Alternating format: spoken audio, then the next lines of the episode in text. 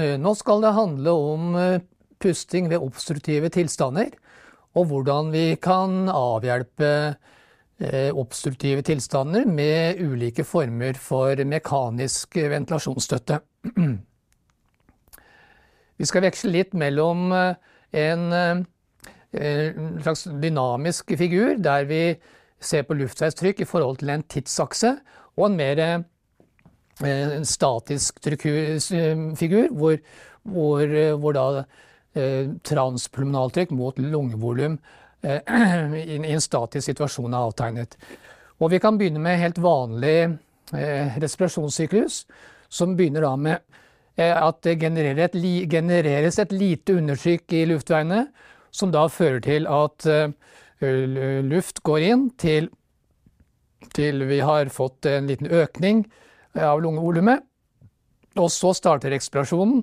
Et lite overtrykk ettersom diafragma eh, slappes. Og ekspirasjonen varer helt til vi er tilbake til et normalt FRC. Og pustinga foregår nå i normalsituasjonen på et sted på den, på den bratte delen av det, den statiske trykk-volumkurven, hvor pustearbeidet er lettest. Nå skal vi se litt nærmere på ekspirasjonen som er hovedproblemet ved obstruktive tilstander. Eh, vanligvis trengs bare et lite overtrykk for å drive lufta ut av lungene.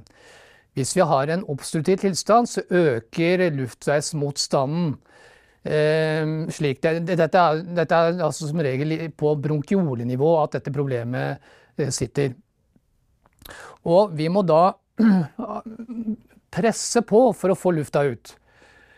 Og, og, sjøl når vi presser på, så, så, blir, så er luftveisstrømmen ut av lungene eh, alvorlig hindret. Og et tilleggsproblem er at eh, eh, vi skaper også et positivt trykk under eksplosjonen, som også vil kunne klemme på de delene av luftveiene som ikke er understøttet av av brusk, sånn som bronkioler. Så vi får også en komponent av dynamisk luftveiskollaps under ekspirasjon. Eh, det, dette med dynamisk luftveiskompresjon eh, vi, skal vi ta opp i en annen forelesning. Eh, det som videre vil skje, er at når ekspirasjonen er avsluttet, så vil det fremdeles være et overtrykk inn i lungene. For vi får Vi har ikke rukket å tømme lungene for luft i løpet av en ekspirasjon. Eh, det som eh, da skjer, er at vi puster fra et høyere FSC. Lungene er allerede litt oppblåst når den neste inspirasjonen skal begynne. Og det vil si at eh, vi har flyttet oss opp på denne statiske trykk-volumkurven. Nå er respirasjonsarbeidet litt tyngre. På den annen side har vi oppnådd den fordelen at diameter av alle luftfjær er blitt litt større, og det har en positiv effekt ved at det nedsetter motstanden mot, mot uh, luftveisstrøm. I realiteten så når vi er uh, har en obstruktiv tilstand og er ferdig med en ekspirasjon, så har vi et, et positivt uh, endeekspiratorisk luftveistrykk. Vi har en en, en, en pipeffekt. Men denne pipeffekten den skyldes ikke noe utvendig apparatur som vi har anvendt. Nei, den, den skyldes eh, eh Den sitter i lungene sjøl. Altså det er en indre pip inni lungene. En autopip, som vi kaller det. Som må overvinnes i, i løpet av neste inspirasjon. For det holder jo ikke å generere dette lille undertrykket som skulle til i en normalsituasjon. Eh, på minus, eh, fra, går fra 0 til minus 1. Hvis man går fra pluss 5 til minus til pluss fem til pluss 4, så går det fremdeles ikke luft ned i lungene pga. at eh, det må jo være et undertrykk i forhold til omgivende trykk. Og det har vi ikke før vi har fått igjen et undertrykk. Og det kan kreve, som vi skjønner, krever det en del energi. Så hvordan skal vi kunne avhjelpe en sånn situasjon? En obstruktiv situasjon hvor det er et overtrykk i luftveiene ved starten av en ny inspirasjon? Jo, vi kan applisere et utvendig eh, positivt eh, trykk som varer i hele eh, respirasjonssyklusen.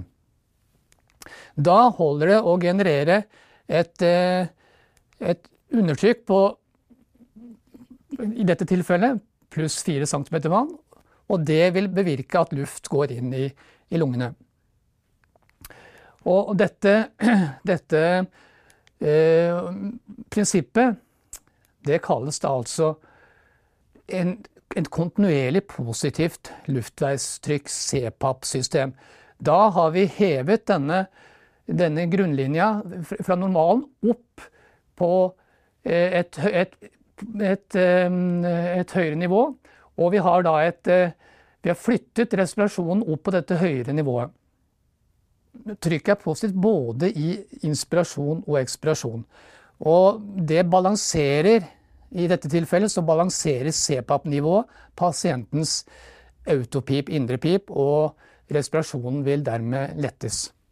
Så har vi situasjoner eh, hvor vi anvender dette CPAP-systemet, men pasienten er sliten. Det kan være en kolspasient som som nå er helt utslitt, og som, som bare så vidt trekker pusten også på dette CPAP-nivået. Eller det kan være en pasient med pneumoni som også er i en lignende situasjon, som er utslitt og som trenger litt ekstra støtte utover bare en CPAP. Da kan vi eh, anvende noe som heter BIPAP. Vi kan egentlig, og det i prinsippet er, består det av eh, et apparat som gir CPAP på to forskjellige nivåer vekslesvis.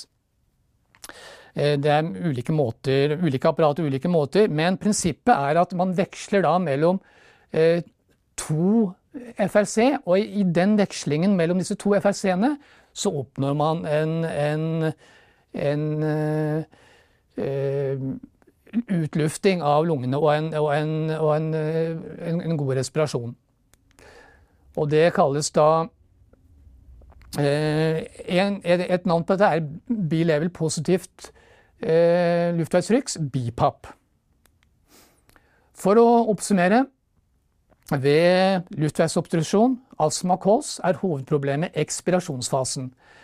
Og ved stor grad av obstruksjon startes en ny inspirasjon mens det ennå er positivt luftveistrykk i alvolene. Vi har en autopip. Et CPAP-nivå på størrelse med pasientens autopip vil lette inspirasjonsarbeidet. Og utslitte pasienter vil ofte trenge en periode med økt mekanisk støtte i form av bipap.